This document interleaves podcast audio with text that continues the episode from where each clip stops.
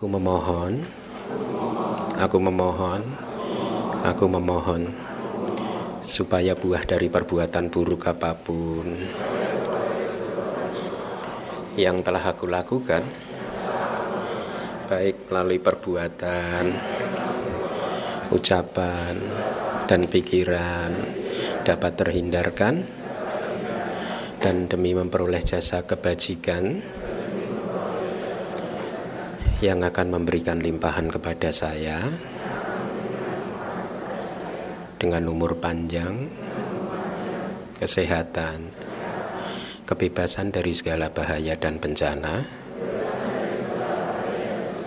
Aku merangkapkan kedua telapak tanganku, beranjali dan memberikan puja, menghormati dan bersujud penuh dengan kerendahan hati kepada Tiratana,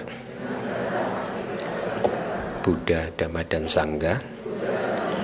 Untuk kedua kalinya, aku memohon, aku memohon, aku memohon, supaya buah dari perbuatan buruk apa pun yang telah aku lakukan, baik melalui perbuatan, ucapan, dan pikiran dapat terhindarkan dan demi memperoleh jasa kebajikan yang akan memberikan limpahan kepada saya dengan umur panjang, kesehatan, kebebasan dari segala bahaya dan bencana. Aku merangkapkan kedua telapak tanganku beranjali dan memberikan puja, menghormati dan bersujud penuh dengan kerendahan hati kepada Tiratana, Buddha, Dhamma, dan Sangga. Untuk ketiga kalinya, aku memohon, aku memohon, aku memohon, supaya buah dari perbuatan buruk apa pun yang telah aku lakukan, baik melalui perbuatan, ucapan, dan pikiran, dapat terhindarkan, dan demi memperoleh jasa kebajikan yang akan memberikan limpahan kepada saya dengan umur panjang, kesehatan, kebebasan dari segala bahaya dan bencana. Aku merangkapkan kedua telapak tanganku, beranjali dan memberikan puja, menghormati dan bersujud penuh dengan kerendahan hati kepada Tiratana, Buddha, Dhamma, dan Sangga. Dan dengan perbuatan yang baik ini, melalui sujud yang luhur, Semoga aku selalu terbebas dari empat alam yang menyedihkan, tiga jenis malapetaka, delapan jenis keadaan yang tidak tepat, lima jenis musuh, empat jenis kemalangan, lima jenis kehilangan, segala jenis penyakit, dan 62 pandangan salah serta secepatnya mencapai jalan kebebasan. Maka buah pala dan dhamma mulia yaitu nibbana. Ahang pante ti saranena saha panca silang Damang ya cami Anugahang katwa Silang teta. Me bante Dukti ampi Ahang bante Ti sarane na saha. Panca silang Damang yacami Anugahang katwa Silang teta. Me bante. Tati ampi. Ahang bante Ti saranena saha Panca silang Damang yacami Anugahang katwa Silang teta. Me bante Yam ahang wadami tang wadeta Namo tassa bhagavato arahato sama sambuddhassa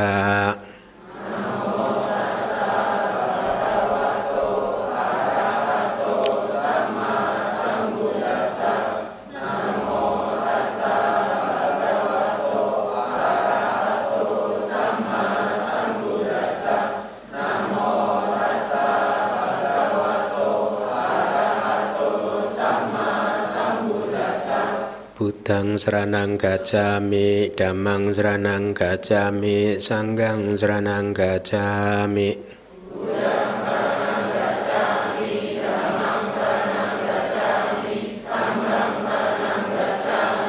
Dutiampi Buddhang seranang gacami Dutiampi Damang seranang gacami Dutiampi Sanggang seranang gacami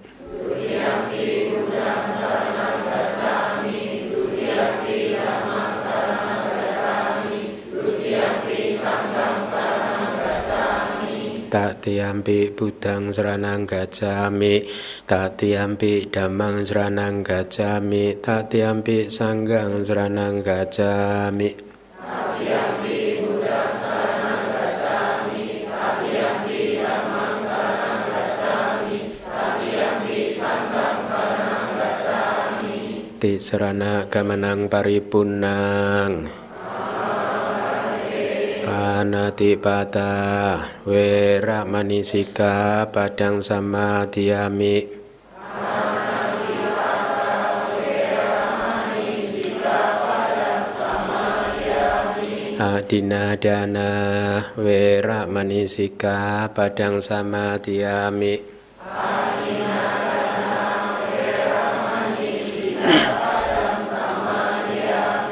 Samadhiyami Kamesu micacara wera manisika padang samadhiyami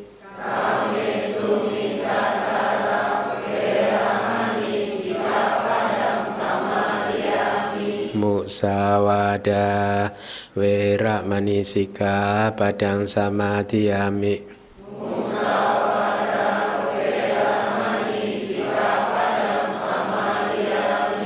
Surame raya maja pamadatana Wera manisika padang samadhiyami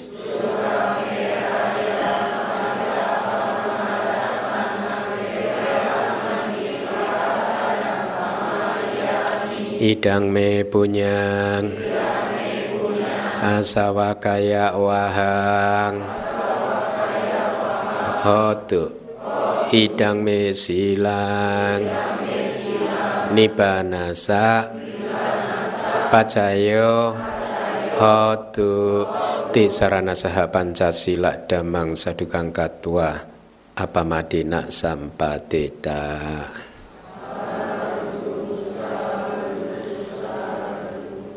Ya, uh, selamat pagi para upasaka upasika sekalian.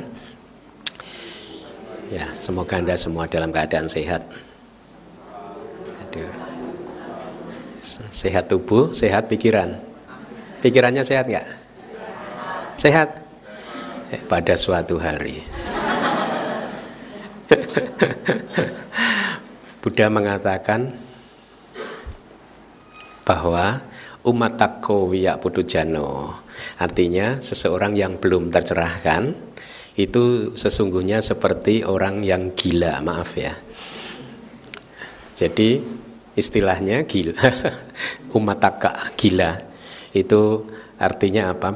Kita yang belum tercerahkan ini pikiran kita setiap saat tersiksa oleh kekotoran batin kita sendiri ya jadi boleh dikatakan ya, sangat sulit.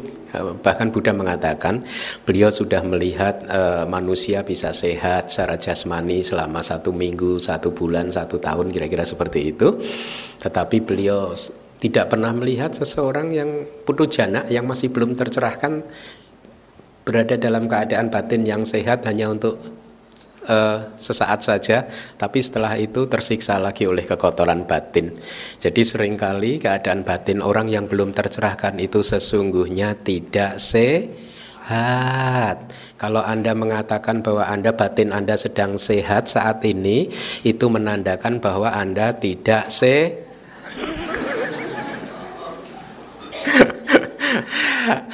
Tidak apa-apa. Eh, lebih baik mengerti bahwa kita masih banyak PR yang harus kita kerjakan di dalam apa?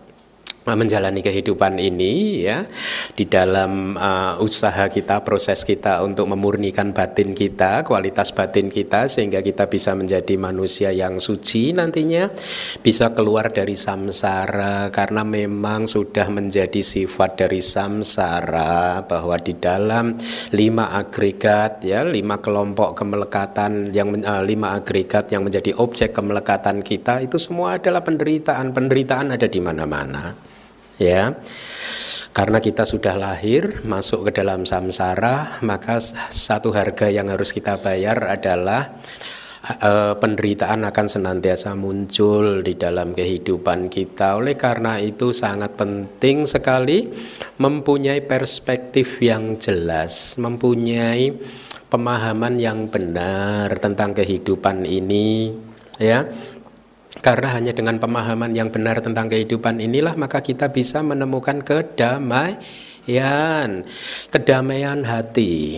Inilah tujuan dari kehidupan kita sesungguhnya. Inilah tujuan dari kita menjalani kehidupan spiritual. Seperti tema kita pada pagi hari ini adalah tentang kehidupan spiritual. Saya akan mencoba mengupas apa sih yang dimaksud kehidupan spiritual dalam konteks sesungguhnya tujuan kita hidup itu apa ya? Karena sering kali banyak sekali manusia-manusia yang kehilangan arah ya.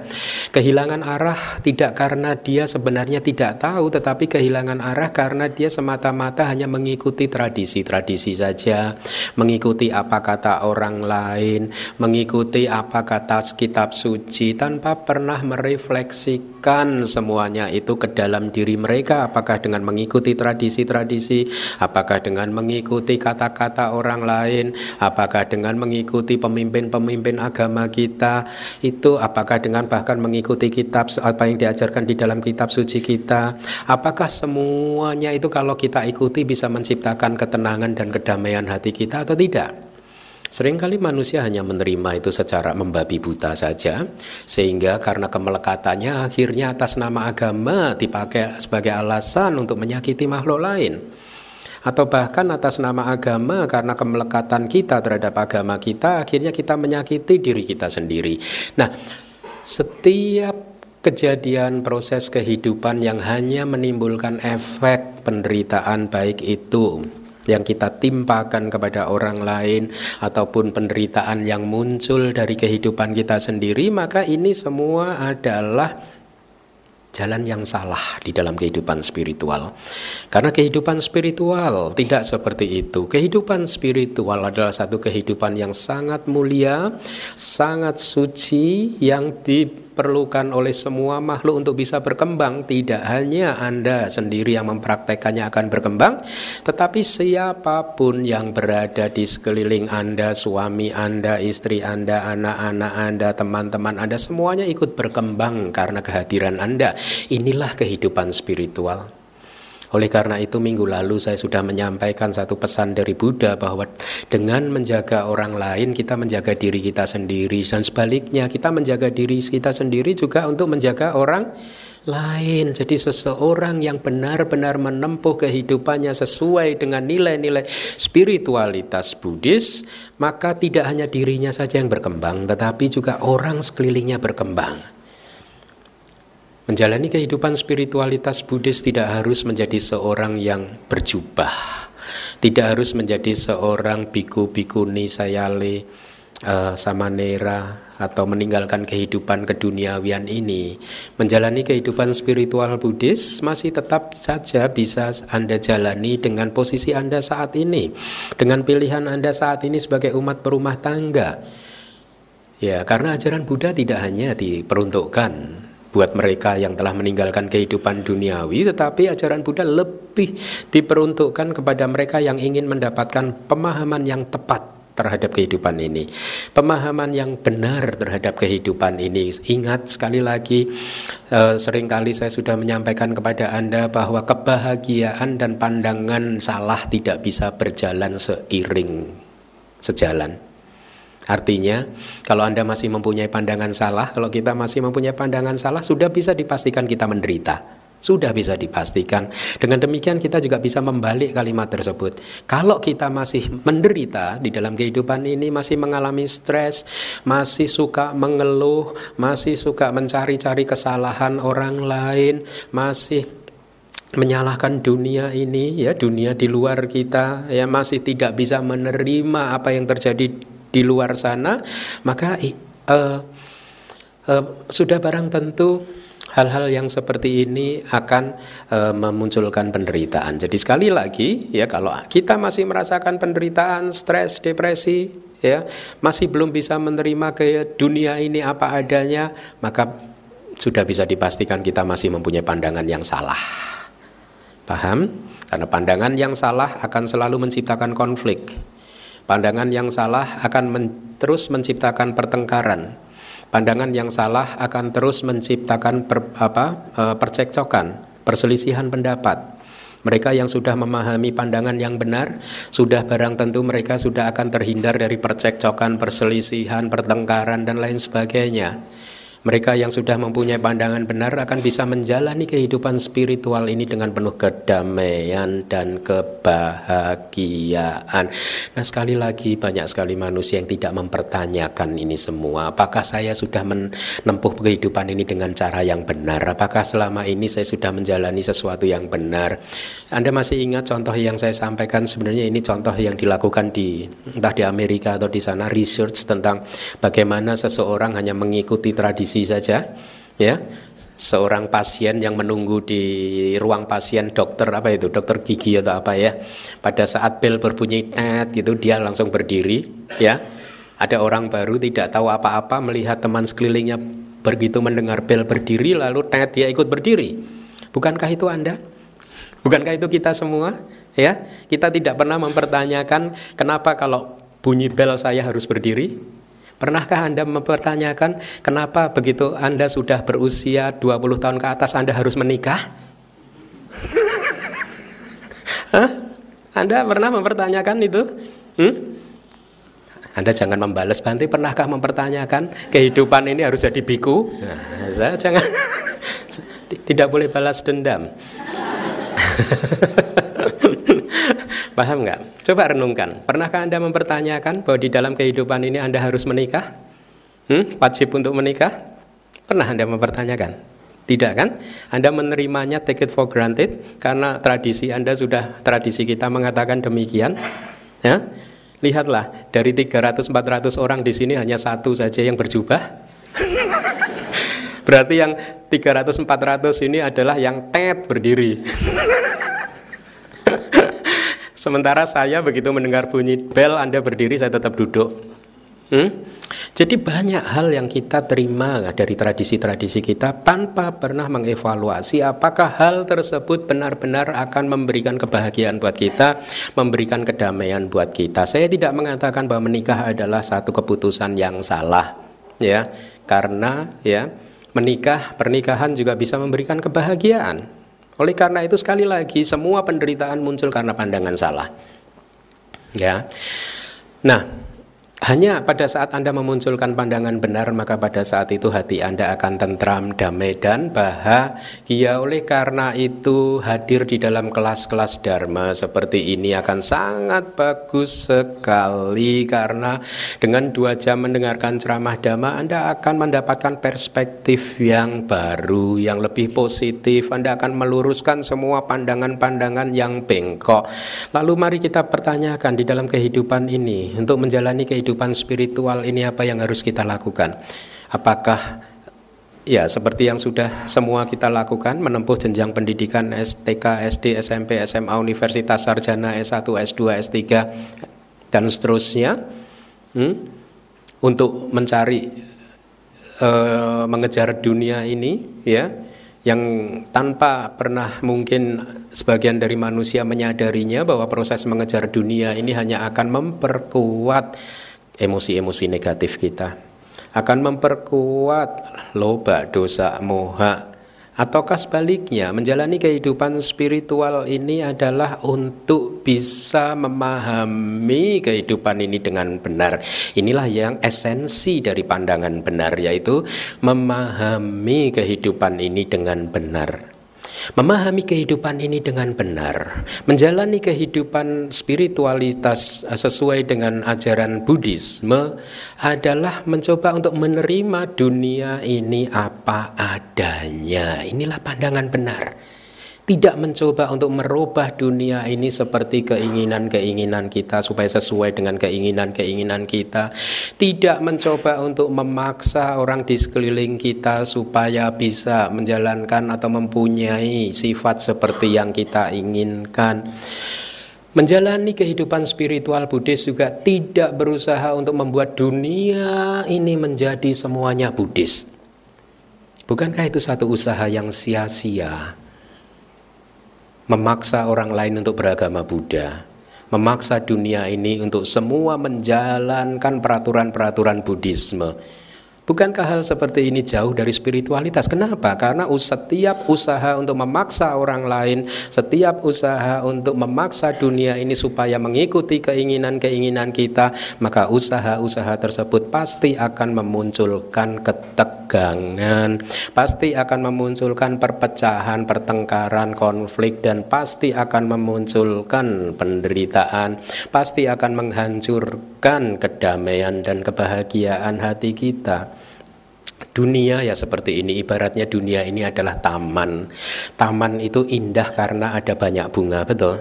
Bayangkan kalau di dalam satu taman itu yang ada hanya satu pohon, katakanlah pohon seindah sakura saja. Satu taman luas isinya hanya sakura saja. Kira-kira Anda bosen nggak? Hmm? Lalu kalau Anda mempunyai uang dan ingin membuat taman, akankah Anda membuat taman Anda seperti itu hanya satu bunga saja? Tidak. Hanya taman yang mempunyai banyak bunga, itulah taman yang indah. Jadi ini perumpamaan yang sangat indah sekali tentang kehidupan ini bahwa kita semua itu berbeda-beda. Jangan pernah memaksa bunga mawar untuk menjadi bunga melati. Jangan juga sebaliknya memaksa bunga melati untuk menjadi bunga mawar karena pasti bunga mawar yang Anda paksa untuk menjadi bunga melati akan kasihan lah dia nangis stres dia gimana saya ini mawar kok dipaksa jadi bunga melati Bante gitu huh? jadi perumpamaan tentang taman yang indah dengan bunga yang bermacam warna ini adalah perumpamaan yang tepat untuk dunia ini bahwa dunia ini memang berisi dengan bermacam-macam perbedaan. Oleh karena itu menjalani spiritualitas Buddhis salah satu tokoh agama terkenal memberikan perumpamaan Menjalani kehidupan beragama itu seperti seseorang masuk ke restoran, betul? Ya, Anda masuk ke restoran, kalau Anda ingin memesan apa makanan favorit Anda, hmm? katakanlah apa? Uh, apa sih makanan saya udah lupa makanan tiap hari ganti-ganti. Seperti yang Anda ketahui, saya udah nggak bisa memilih makanan saya kan? Perut saya ini milik Anda, Anda mau nanti mak makan siang nanti saya apa itu kan tergantung Anda. Betul tidak? Anda tadi dari rumah bawa apa itu nanti yang akan saya makan. Jadi saya banyak lupa nama-nama makanan itu. Katakanlah Anda masuk ke restoran bersama-sama dengan teman-teman yang lain dan Anda memesan apa sih makanan yang enak? Bakso. Lihat, perilaku orang-orang yang berada di restoran tersebut? Apakah orang-orang yang makan di restoran itu sibuk mengurusi makanan pesanan orang lain? Hmm? Apakah mereka sibuk melototin makanan orang lain? Apakah mereka sibuk memaksa orang lain supaya memakan makanan sama dengan yang kita pesan? Tidak. Kita makan makanan kita sendiri, orang lain makan makanan mereka sendiri. Kita saling menikmati makanan kita sendiri. Kita tidak bisa membandingkan orang lain mau makan uh, apa. Nah, lupa lagi nama makanan apa sih? Hah? Kue tio, ya. Orang lain makan kue tio, kemudian Anda bandingkan lebih enak bakso ya dari kue tio, ya. Itu kan kita. Oh dia juga mikirnya juga sama enakan kue daripada bakso. Hmm? Maka dunia akan berada dalam konflik kalau selalu memperbandingkan antara apa yang kita inginkan dan apa yang diinginkan oleh orang lain. Kita sudah by nature sesuai dengan karma kita sendiri kita harus berbeda. Oleh karena itu menjalani kehidupan spiritualitas Buddhis bukan berusaha untuk membuat seluruh dunia ini beragama Buddha. Bukan untuk membuat seluruh restoran ini semua orang yang masuk harus makan bakso, tidak. Karena kalau hal tersebut adalah tujuan dari spiritualitas Buddhis, percayalah, Buddha 2600 tahun yang lalu pasti sudah melakukannya. Betul tidak? Apa yang beliau maha tercerahkan, manusia yang tercerahkan sempurna, ya pasti beliau akan berusaha untuk membuat seluruh dunia ini beragama Buddha menjadi pengikut beliau. Tidak ada yang mungkin apa pun. Kalau memang dunia ini harus satu seragam, maka Sang Pencipta pasti akan menciptakannya seragam sejak dari awal. Tidak akan mengizinkan perbedaan-perbedaan itu muncul. Bukankah taman ini berbeda-beda karena memang sudah ada yang mengatur? Ya, kalau Anda mempunyai taman dan ternyata bunganya berbeda-beda, bukankah itu atas izin Anda? Hmm? Bukankah tanaman itu tumbuh karena memang Anda sudah tempatkan di sana? Nah, Kembali lagi bahwa dunia memang secara alamiah berbeda-beda. Oleh karena itu menjalani kehidupan spiritualitas Buddhis bukan untuk membuat dunia ini seragam tetapi sebaliknya menjalani kehidupan spiritualitas Buddhis adalah untuk memahami bahwa kehidupan ini berbeda-beda dan kemudian next stepnya adalah menerima perbedaan itu dengan penuh kelapangan dengan penuh lapang dada. Karena ya hanya dengan cara yang seperti itulah maka akan memunculkan kedamaian hati kita. Dengan cara yang seperti itulah maka bunga cinta kasih kita akan tumbuh.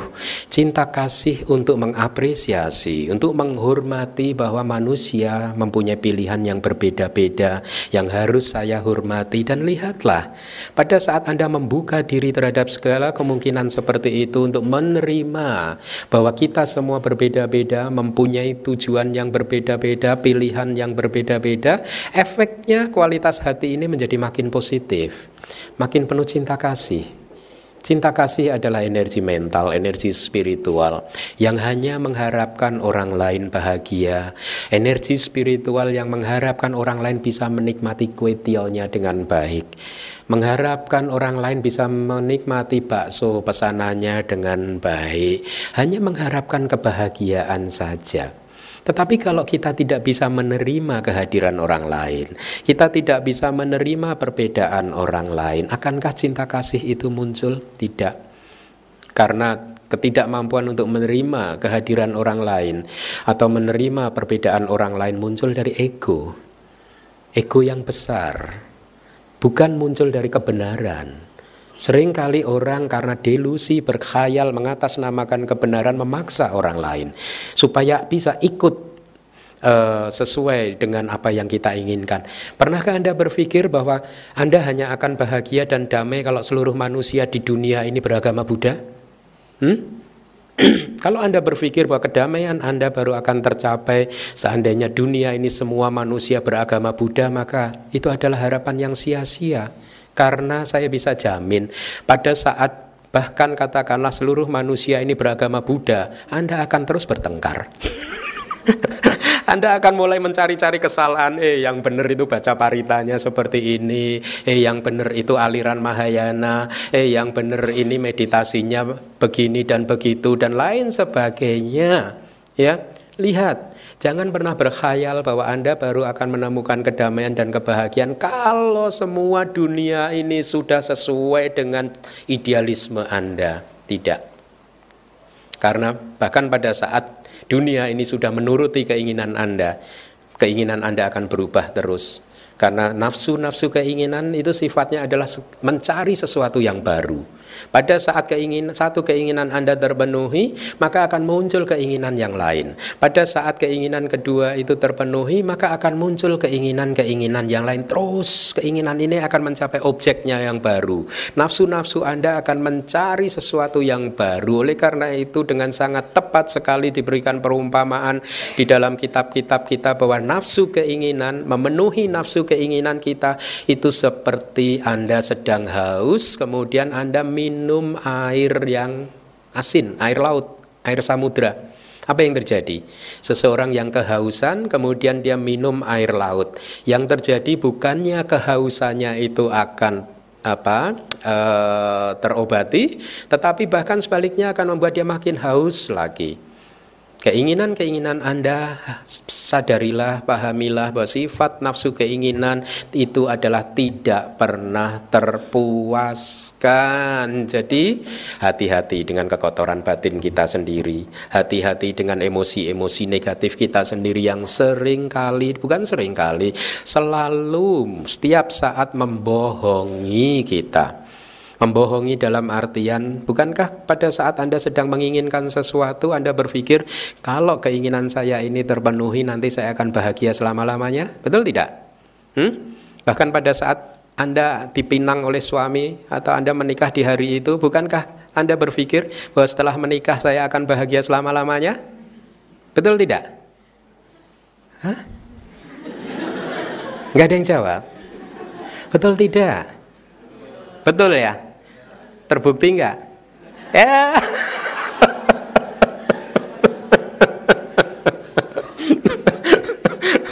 enggak terbukti? Enggak ya?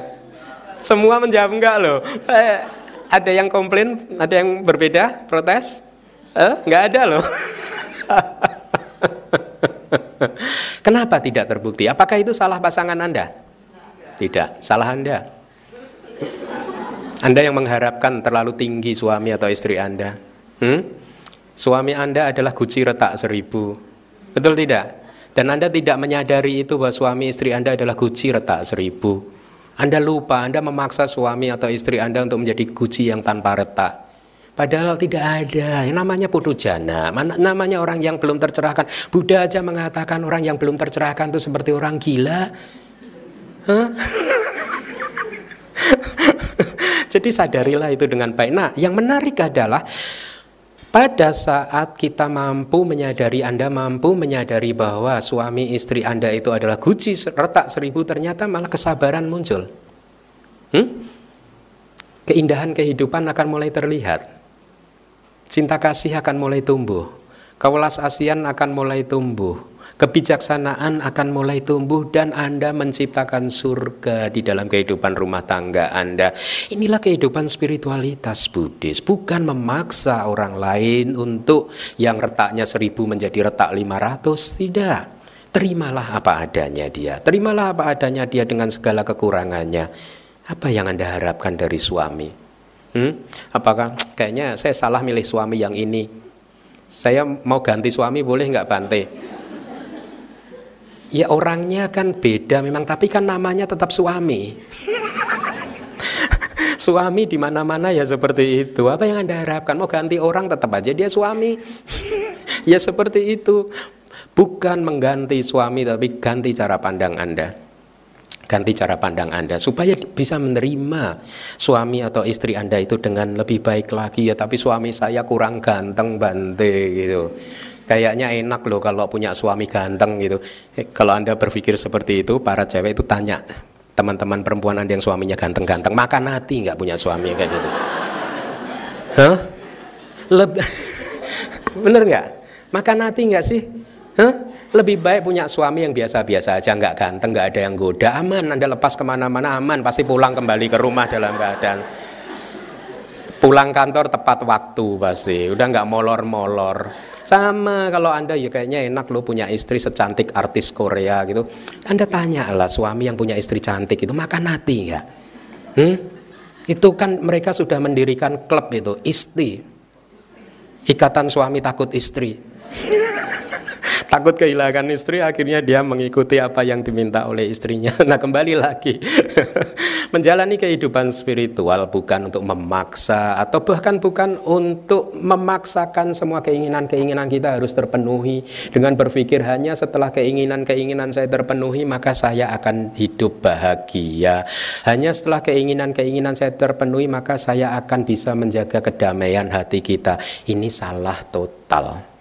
Salah Menjalani kehidupan spiritual adalah untuk bisa menerima segala sesuatu itu apa adanya dengan lapang dada, dengan memaafkan. Kalau ada orang lain berbuat salah, kasar terhadap kita, ya kita terima. Ya ibaratnya Buddha mengatakan seperti tanah gitu loh. Seperti tanah bumi ini, ya. Bumi ini kan diam saja, mau dikencingin anjing, dikencingin kucing, di kotoran orang buang kotoran di situ bumi ini diam saja. Jadi Anda pun juga harus mempraktekkan diri Anda seperti bumi, ya. Kalau suami Anda buang kotoran, ya terimalah dengan lapang dada karena hanya dengan kemampuan menerima dengan lapang dada seperti itu maka kedamaian hati akan bisa muncul. Jadi sekali lagi menjalani kehidupan spiritual membutuhkan pandangan yang benar, ya menjalani kehidupan spiritual Buddhis, sekali lagi saya akan mencoba untuk rangkumkan lagi apa yang dari tadi sudah saya sampaikan bahwa menjalani kehidupan spiritual Buddhis bukan masalah bagaimana Anda bisa membuat dunia ini seragam. Bukan tentang bagaimana membuat semua orang mengikuti keinginan-keinginan Anda. Bukan membuat bahwa semua keinginan Anda terpenuhi karena sifat dari samsara itu adalah retak seribu. Apa sih maksud dari retak seribu? Akan banyak kekurangan di dalam kehidupan ini. Memang nature-nya seperti itu. Di dalam kebenaran mulia yang pertama tentang penderitaan, ya Buddha hanya mengajarkan bahwa jati, piduka dan seterusnya kehidupan adalah penderitaan, menjadi tua adalah penderitaan, kematian adalah penderitaan, tidak mendapatkan apa yang kita inginkan adalah penderitaan, berpisah dengan orang yang kita cintai adalah penderitaan, bertemu dengan orang yang tidak kita sukai adalah penderitaan secara singkat dikatakan oleh Buddha dirangkum bahwa segala sesuatu lima agregat yang menjadi objek objek dari kemelekatan kita itu adalah penderitaan dan ini harus dipahami. Yang menjadi objek kemelekatan, masalahnya adalah di kemelekatan kita. Kita terlalu menggenggam dunia ini. Kita ingin mengendalikan dunia ini. Anda ingin mengendalikan suami, istri, anak-anak Anda, bisnis Anda dan lain sebagainya. Anda tidak bisa melepas dunia ini. Kalau kita menggenggam maka samsara menjadi retak seribu. Kalau kita melepas maka samsara menjadi indah sekali. Jadi sekarang yang menjadi tugas yang harus kita lakukan adalah Buddha mengatakan bahwa kebenaran mulia tentang penderitaan tadi harus kita pahami, bukan harus ditolak. Bukan harus dibentuk supaya sesuai dengan idealisme kita, ya. Karena memang sudah menjadi sifat dari samsara itu retak seribu. Nah pada saat kita mampu memahami bahwa samsara ini berisi hal-hal yang seperti itu, maka yang terjadi sangat luar biasa bahwa ternyata hidup menjadi lebih ringan. Hidup menjadi lebih damai. Hidup lebih bisa menerima perbedaan. Hidup sudah tidak ada lagi misteri di dalam kehidupan ini. Artinya misteri itu kalau satu saat misalkan suami Anda kok tiba-tiba marah-marah, Anda sudah tidak kaget lagi. Betul tidak? Kan umat taka. Apa umat taka tadi? Hah? Orang gila. Kalau istri Anda tiba-tiba pulang kantor kok marah-marah, Anda sudah tidak kaget lagi. Kenapa? Karena umat taka. Anda semua ini umat, termasuk saya. termasuk saya juga umat taka. Nah, Kemampuan untuk menerima hal yang seperti ini efeknya ternyata sangat positif sekali yaitu meta kita muncul, cinta kasih kita muncul yang hanya mengharapkan makhluk lain untuk bisa hidup bahagia dan sebaliknya Anda ingat Brahma Wihara akan akan berkembang. Yang kedua adalah meta karuna, kewelas asihan kita akan berkembang. Kewelas asihan pada saat melihat ada seseorang sedang mengalami kesulitan, penderitaan dan lain sebagainya, kita akan mengulurkan tangan kita untuk membantu mereka. Ya seperti saat ini di Aceh itu ada ada apa gempa bumi maka kita akan dengan spontan mengulur, mengulurkan tangan kita untuk membantu semampu kita. Ya kemudian yang ketiga adalah meta karuna mudita ya bergembira pada saat melihat orang lain e, melakukan sesuatu yang baik. Tadi pagi saya melihat dari atas para abdi dhamma sedang memasang anda nanti kalau keluar mungkin melihat sesuatu yang berbeda. Sedang memasang tenda gitu. Saya di atas sadu sadu. Saya nggak perlu memasang tendanya gitu cukup sadu sadu ya. Nah dengan memahami hal-hal yang seperti itu ya dengan baik maka lihat kita akan mulai semakin jauh dari konflik jauh dari pertentangan jauh dari percekcokan jauh dari permusuhan karena kita menyadari bahwa kita semua berbeda. Kita semua berbeda. Anda dan suami atau istri Anda adalah manusia yang berbeda yang mempunyai hobi sendiri-sendiri ya yang mempunyai pilihannya sendiri-sendiri. Tugas Anda adalah menghormati pilihan orang lain dan mendukung pilihan orang lain semoga kamu dengan pilihan kamu kamu bisa berbahagia semoga dengan kue tio kamu kamu bisa gemuk bisa berkembang berarti kan gemuk ya. Nah, dengan niatan niatan yang positif seperti itu mengembangkan harus dilatih ya. Ibaratnya taman empat bunga Brahma Wihara yaitu Meta, Karuna, Mudita dan yang terakhir UPK. UPK itu apa sih? UPK itu kan ketenangan, keseimbangan ya pada saat uh, seseorang sedang mengalami penderitaan dan Anda sudah mencoba untuk menolong dengan karuna Anda Anda kembangkan kok ternyata penderitaan orang tersebut kok tidak berkurang malah bertambah maka Anda kemudian merenungkan bahwa oh semua makhluk lahir uh, pemilik dari karmanya masing-masing ya meskipun kami sudah menolong tetapi tetap saja tidak bisa membantu dia untuk keluar dari kesulitannya ya akhirnya apa Anda tidak jatuh dalam kesedihan Anda tidak jatuh dalam stres depresi Anda tidak jatuh dalam satu pertanyaan-pertanyaan ini orang ini emang nggak tahu nggak tahu diri udah kita bantu masih aja susah terus sampai hari ini gitu Hah? Bukan. Tujuan Anda di dalam membantu apa pun adalah bukan untuk membuat makhluk atau siapa pun yang Anda bantu itu bisa keluar dari kesulitan kesulitannya. Karena dia bisa keluar dari kesulitannya atau tidak itu sangat tergantung pada karma masa lalu dia juga. Ada makhluk-makhluk tertentu yang walaupun seluruh dunia ini telah membantu dia, tetapi tetap saja dia tidak bisa berkembang. Ya, karena ada karma masa lalu yang menghalangi dia. Oleh karena itu pada saat kita mengalami kejadian yang seperti itu kita merenungkan ya, sapi sata kama saka kama ya, dayada kama yoni dan seterusnya. Ya bahwa semua makhluk memang lahir pemilik dari karmanya sendiri, ya lahir uh, dari karmanya sendiri dan seterusnya. Nah, jadi kualitas-kualitas hati yang baik, yang positif, yang seperti itulah yang harus kita latih dengan cara mengarahkan batin kita ini untuk menerima perbedaan-perbedaan dengan cara mengarahkan batin kita ini untuk terus mendukung kebahagiaan orang lain, bukan memaksakan pendapat-pendapat kita, bukan menekan orang lain supaya sesuai ya dengan kita, bukan untuk menghancurkan orang lain yang berbeda dengan kita, tetapi sebaliknya memberikan dukungan yang penuh. Meskipun kamu memilih memakan kue tio, saya akan penuh uh, dukung Anda secara penuh. Kalau perlu saya akan bayarin kamu. Ya, boleh nggak saya bayarin kue tionya? Jadi kita mendukung apa pun yang menjadi pilihan orang lain, bukan sebaliknya e, mencela pilihan-pilihan orang lain. Nah, kembali lagi, jadi dengan menjalani kehidupan e, spiritual itu bukan masalah bagaimana dunia ini nanti memperlakukan kita atau bagaimana dunia ini bentuknya seperti apa apakah itu sesuai dengan keinginan kita atau tidak tetapi sebaliknya menjalani kehidupan spiritual adalah lebih kepada bagaimana kita mensikapi dunia ini lebih kepada bagaimana saya memperlakukan dunia ini. Apakah saya memperlakukan dunia ini dengan kemarahan, dengan kebencian, atau sebaliknya saya memperlakukan dunia ini dengan penuh cinta kasih, dengan penuh kewelas asihan, dengan penuh uh, uh, apa simpati, dengan penuh ketenangan dan keseimbangan, atau bagaimana?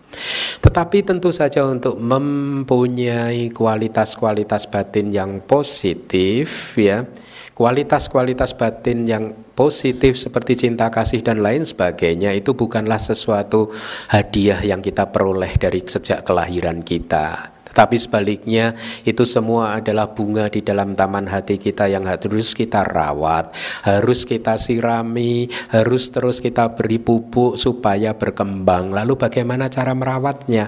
Cara merawatnya terus dengan melakukan eh, perbuatan-perbuatan uh, yang baik dengan perbuatan-perbuatan tubuh kita misalkan nanti di depan pada saat abdi dhamma membagikan makanan Anda mencoba untuk membantu mereka meringankan pekerjaan mereka meringankan beban mereka.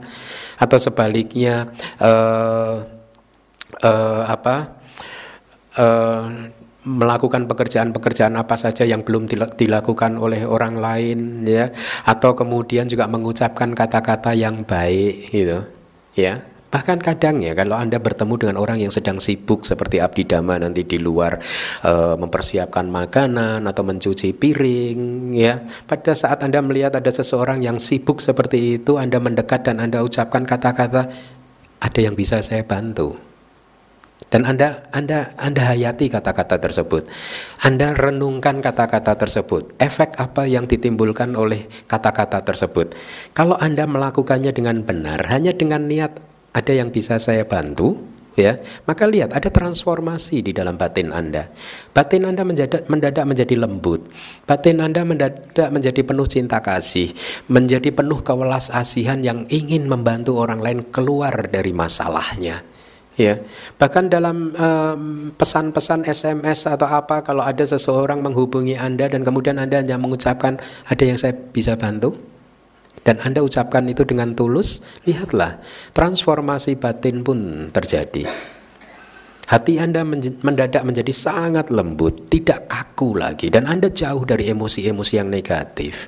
Atau dengan cara yang lain, kalau tadi dengan ucapan atau dengan tangan Anda, Anda membantu orang lain, Anda juga cukup bisa mengembangkan bunga-bunga cinta kasih, kewelas asian, dan lain sebagainya itu dengan bercakap-cakap dengan dia atau menatap wajah dia dan Anda pancarkan meta cinta kasih melalui mata Anda. Ya.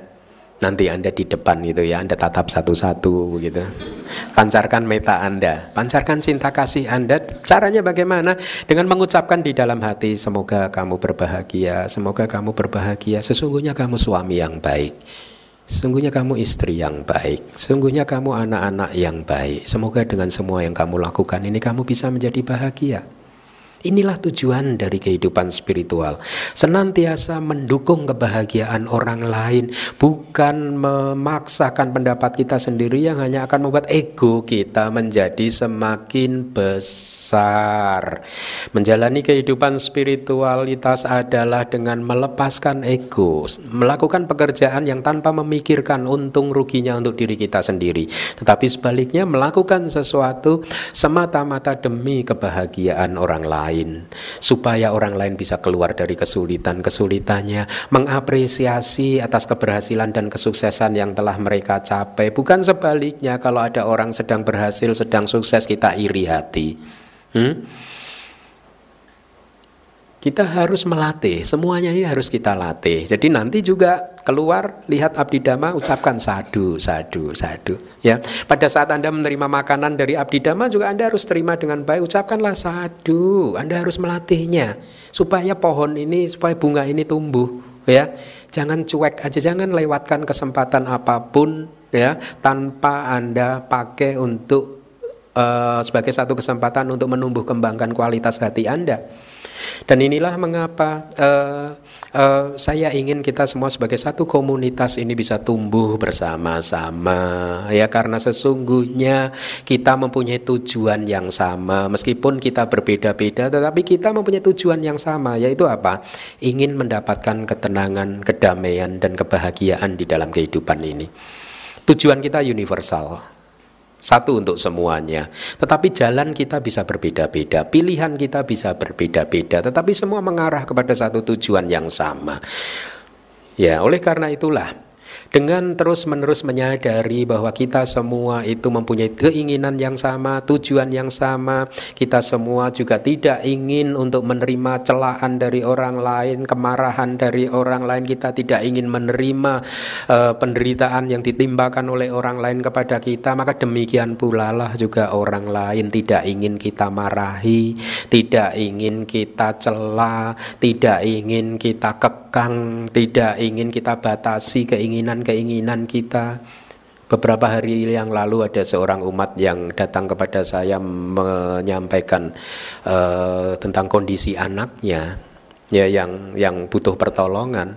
Dan pada waktu itu saya mengatakan saya kadang mempunyai satu pendapat ini pendapat pribadi saya bahwa orang tua terhadap anak lebih baik memanjakan daripada menekan anak. Manjakanlah anak-anak Anda karena dengan memanjakan anak-anak Anda, maka dia akan bisa tumbuh subur. Ya. Ajarkan dia pengertian yang baik dan setelah itu berikan cinta kasih Anda, berikan kewelas Anda dibandingkan Anda mendidik anak Anda dengan cara yang keras, dengan disiplin yang tinggi, memaksakan harus seperti ini, harus seperti itu. Ingat, kalau anak Anda itu memang lahirnya harus menjadi bunga melati, kalau Anda paksa menjadi bunga terate, anak itu akan stres. Ya, tugas dari orang tua hanya memastikan bahwa dia menjadi bunga melati yang baik. Bukan memaksakan pendapat kita. Kadang orang tua merasa lebih tahu apa yang diinginkan oleh anak-anak kita, tapi sadarkah kita bahwa anak-anak Anda itu juga sudah mempunyai tabungan karmanya sendiri-sendiri, sudah mempunyai kecenderungannya sendiri-sendiri. Yang paling bisa Anda ajarkan kepada dia adalah untuk menjaga moralitas yang baik ya untuk menegakkan kejujuran, untuk menjauhi kebohongan, untuk uh, apa menegakkan kebenaran. Itu paling itu adalah nilai-nilai universal atau untuk melatih cinta kasih, kewelasasian dan lain sebagainya. Bukan dengan jangan apa kemudian mengatasnamakan saya sebagai orang tua yang berhak mendidik anak lalu Anda mengekspresikan kemarahan Anda, Anda mengekspresikan kebencian Anda. Saya sudah melihat beberapa contoh seseorang seorang anak yang dibesarkan dari keluarga yang keras, ya, penuh kemarahan. Orang tuanya mendidiknya dengan kemarahan, ya. Banyak dari mereka tidak tumbuh dengan baik Ya, mereka menjadi pribadi yang penakut, cinta kasihnya tidak berkembang karena mereka tidak mendapat cinta kasih itu sendiri dari orang tuanya. Mereka takut tampil di depan umum dan lain sebagainya, menjadi anak yang minder. Tetapi sebaliknya, anak-anak yang menerima cinta kasih secara penuh dari orang tuanya, saya melihat mereka tumbuh menjadi anak yang baik. Jadi saya katakan kepada umat yang datang kepada uh, saya beberapa hari yang lalu lebih baik kita ini mendidik anak dengan memanjakannya, memanjakannya dengan meta karuna mudita upeka, cinta kasih, kewelas asihan, simpati dan kemudian ketenangan dan keseimbangan. UPK pada saat anak-anak Anda tidak menuruti keinginan Anda, Anda harus menumbuh kembangkan UPK. Nah, dengan terus-menerus bersikap yang positif seperti itu maka kualitas hati Anda akan tumbuh ya. Semua emosi-emosi yang positif ini adalah ibaratnya bunga yang perlu Anda sirami terus setiap hari, perlu Anda latih terus setiap hari ya. Bahkan dalam hal yang sepele saja berdana. Ya. Kan ini latihan yang paling dasar di dalam Buddhism itu kan berdana kan? Itu pun harus kita latih. Dana bukanlah satu hadiah yang kita terima bahwa dengan kelahiran kita sebagai manusia maka kita akan mudah untuk berdana. Tidak. Berdana harus kita latih secara pelan, pelan, pelan, pelan karena di dalam tahapan latihan spiritual Buddhis berdana adalah tahapan yang paling mendasar. Ya, kenapa mendasar? Karena ini adalah tahapan yang paling mudah untuk dilakukan dan siapa pun bisa melakukannya. Tidak hanya umat Buddha saja yang melakukan berdana, umat agama lain juga melakukan berdana. Tetapi walaupun demikian, kita harus melatihnya. Cara melatihnya apa? Dengan setiap kali ada kesempatan kita harus berjuang untuk bisa uh, apa melepaskan kepemilikan-kepemilikan kita demi untuk membantu orang lain seperti yang saat ini sedang terjadi bencana alam di Aceh. Bukankah itu kesempatan yang baik untuk menolong mereka? Itu. Bukan yang sebaliknya. Ya Anda pernah ceri, uh, dengar cerita, cerita ini cerita lama saya ini kebetulan saya teringat. Cerita tentang berdana cerita ini adalah cerita tentang uang seratus ribu rupiah dan uang Hah? seribu ya atau koin 100 masih ada? Seribu ya? Seribu rupiah masih ada ya? Nah, Oke, okay. saya udah lama nggak lihat uang juga nggak tahu saya.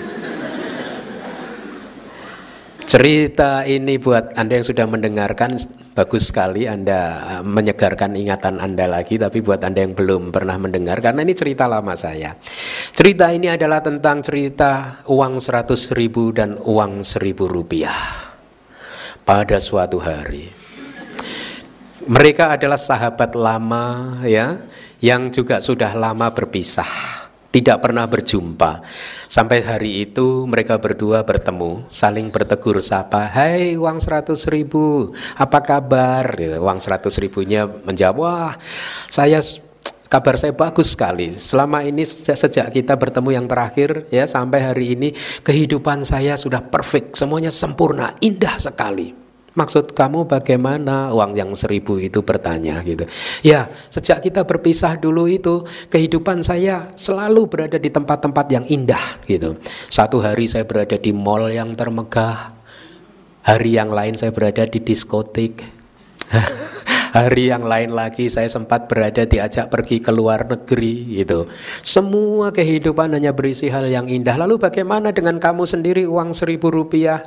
Uang seribu rupiahnya pada saat ditanya wajahnya mendadak gloomy Murung Dia menjawab aduh kehidupan saya berbeda dengan kamu Kalau kehidupan kamu penuh dengan keindahan Kehidupan saya monoton sekali Monoton bagaimana? Ya hanya begitu-begitu saja Maksudnya bagaimana? Kamu tahu nggak? Sejak kita berpisah beberapa tahun yang lalu Kehidupan saya hanya berpindah dari satu kotak dana ke kotak dana yang lain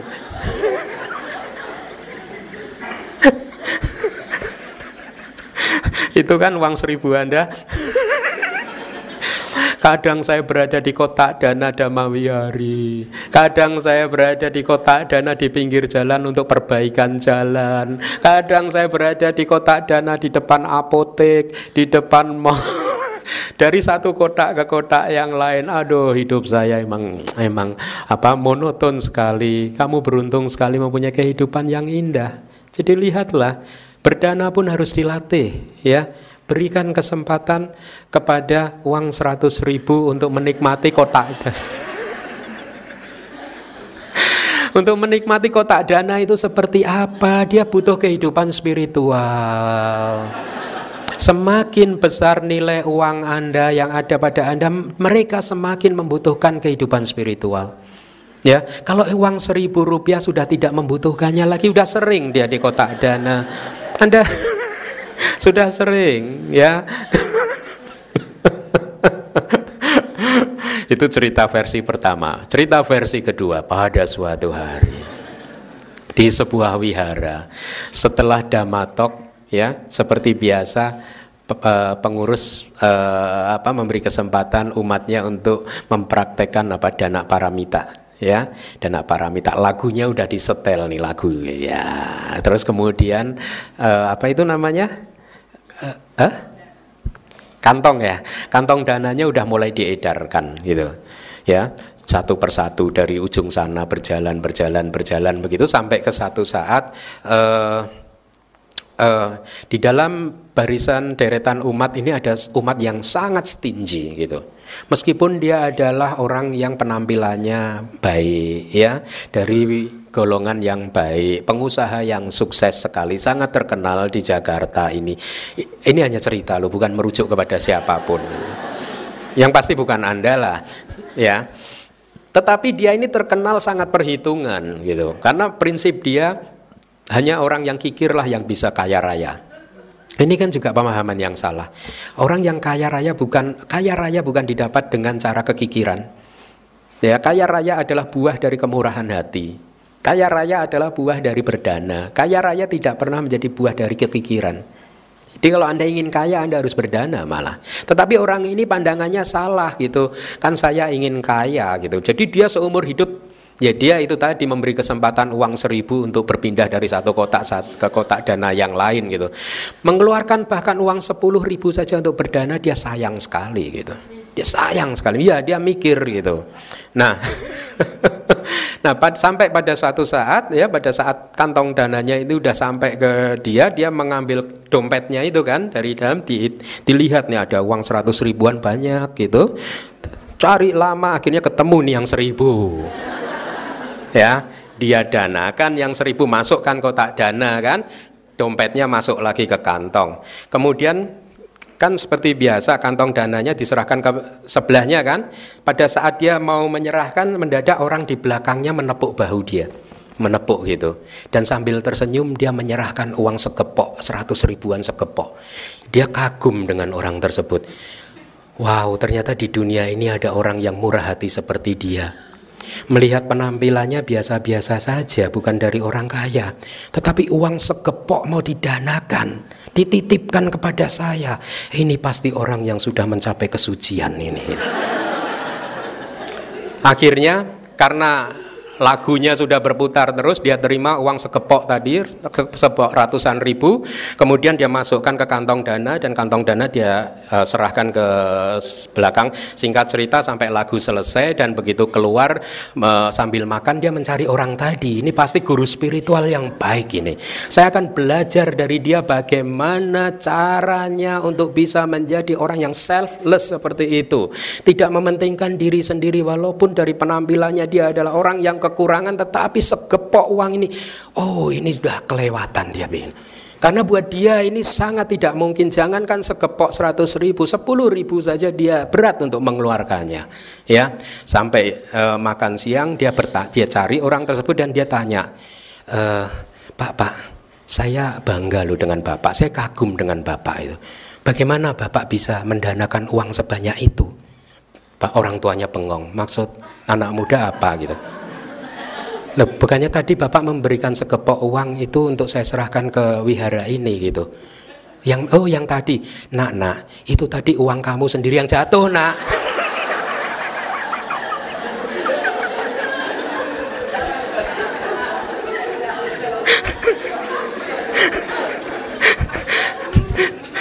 Dan mendadak dia pingsan.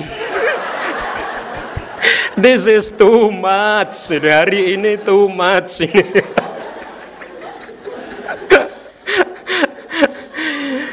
ya jadi kekikiran harus dilawan dengan kebiasaan-kebiasaan yang baik. Jadi kalau Anda masih mempunyai sifat-sifat seperti ini, Anda harus uh, tidak memberi kesempatan kekikiran untuk tumbuh berkembang. Sebaliknya, anda memberi kesempatan untuk kemurahan hati supaya tumbuh dan berkembang. Jadi inilah kehidupan spiritual, mengembangkan kualitas-kualitas hati yang selfless. Hanya mengharapkan makhluk lain berbahagia, hanya mengharapkan supaya makhluk lain bisa keluar dari penderitaan, hanya mendukung supaya orang lain bisa mempertahankan kebahagiaannya, hanya bisa, pada saat kita bisa menerima perbedaan-perbedaan perbedaan pilihan dari orang lain, perbedaan agama orang lain. Ingat, Anda tidak akan mencapai kedamaian dan kebahagiaan kalau Anda masih berpikir bahwa kedamaian dan kebahagiaan baru akan tercapai kalau seluruh dunia ini beragama Buddha, maka itu adalah harapan yang sia-sia.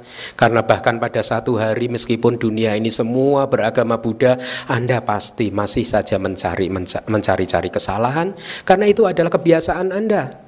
Kebiasaan dari kekotoran batin akan selalu mencari objek yang baru. Kalau sudah tidak ada yang diajak berantem, dia akan mencari orang lain yang mau diajak berantem lagi. Jadi dengan terus mengembangkan sifat yang selfless seperti itu ya, selalu melakukan sesuatu semata-mata demi orang lain, demi kebahagiaan orang lain tanpa pernah mempertimbangkan untung dan ruginya buat kita sendiri, maka secara perlahan-lahan bunga di taman ini akan tumbuh subur bunga cinta kasih tumbuh subur, bunga kewelasasian tumbuh subur, kesabaran dan kebijaksanaan akan tumbuh subur dan lihatlah ternyata rahasia kebahagiaan pun ada di sana. Bahwa ternyata rahasia dari kedamaian dan kebahagiaan bukan pada saat muncul bu, muncul bukan pada saat semua keinginan kita terpenuhi. Muncul bukan pada saat semua orang mengikuti keinginan-keinginan kita. Muncul pada saat bu, bukan pada saat dunia ini berhasil kita paksa untuk menjadi seperti ini atau seperti itu. Tetapi ternyata kedamaian dan kebahagiaan muncul pada saat kita bisa menerima bahwa dunia ini memang berbeda, bahwa taman ini terdiri dari bermacam-macam bunga yang masing-masing mempunyai keindahannya sendiri-sendiri. Cinta kasih Anda kepada suami dan istri Anda bukan tidak tidak akan muncul hanya pada saat suami atau istri Anda itu menjadi pribadi seperti yang Anda inginkan sesuai dengan idealisme Anda. Tapi cinta kasih anda terhadap suami atau istri Anda muncul pada saat Anda mampu menerima bahwa suami dan istri Anda adalah guci yang retak seribu. Manusia yang banyak kekurangannya, ya, yang kadang-kadang kalau tidur ngelindur, kalau tidur tempat tidurnya Anda mungkin ditendang-tendang, atau yang kadang-kadang tiba-tiba pulang kerja marah-marah, ingat kalau suami atau istri Anda tiba-tiba marah-marah, maka ingat kata-kata Buddha, umatako wiya pudujano. Pudujana itu seperti orang gila. Demikian pula suami istri Anda. Tetapi pada saat Anda mampu menerima hal yang seperti itu, lihat Anda menjadi makin positif, bukan merendahkan.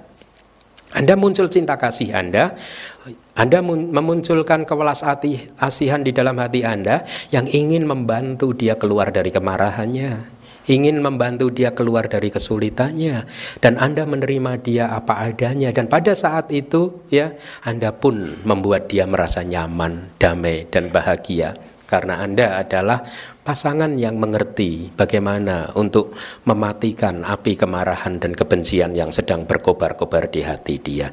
Jadi itulah kehidupan spiritual. Mudah-mudahan bermanfaat buat Anda dan memberikan perspektif yang berbeda di dalam kehidupan ini. Ingat, di dalam kehidupan ini nikmatilah makanan-makanan Anda sendiri. Ya.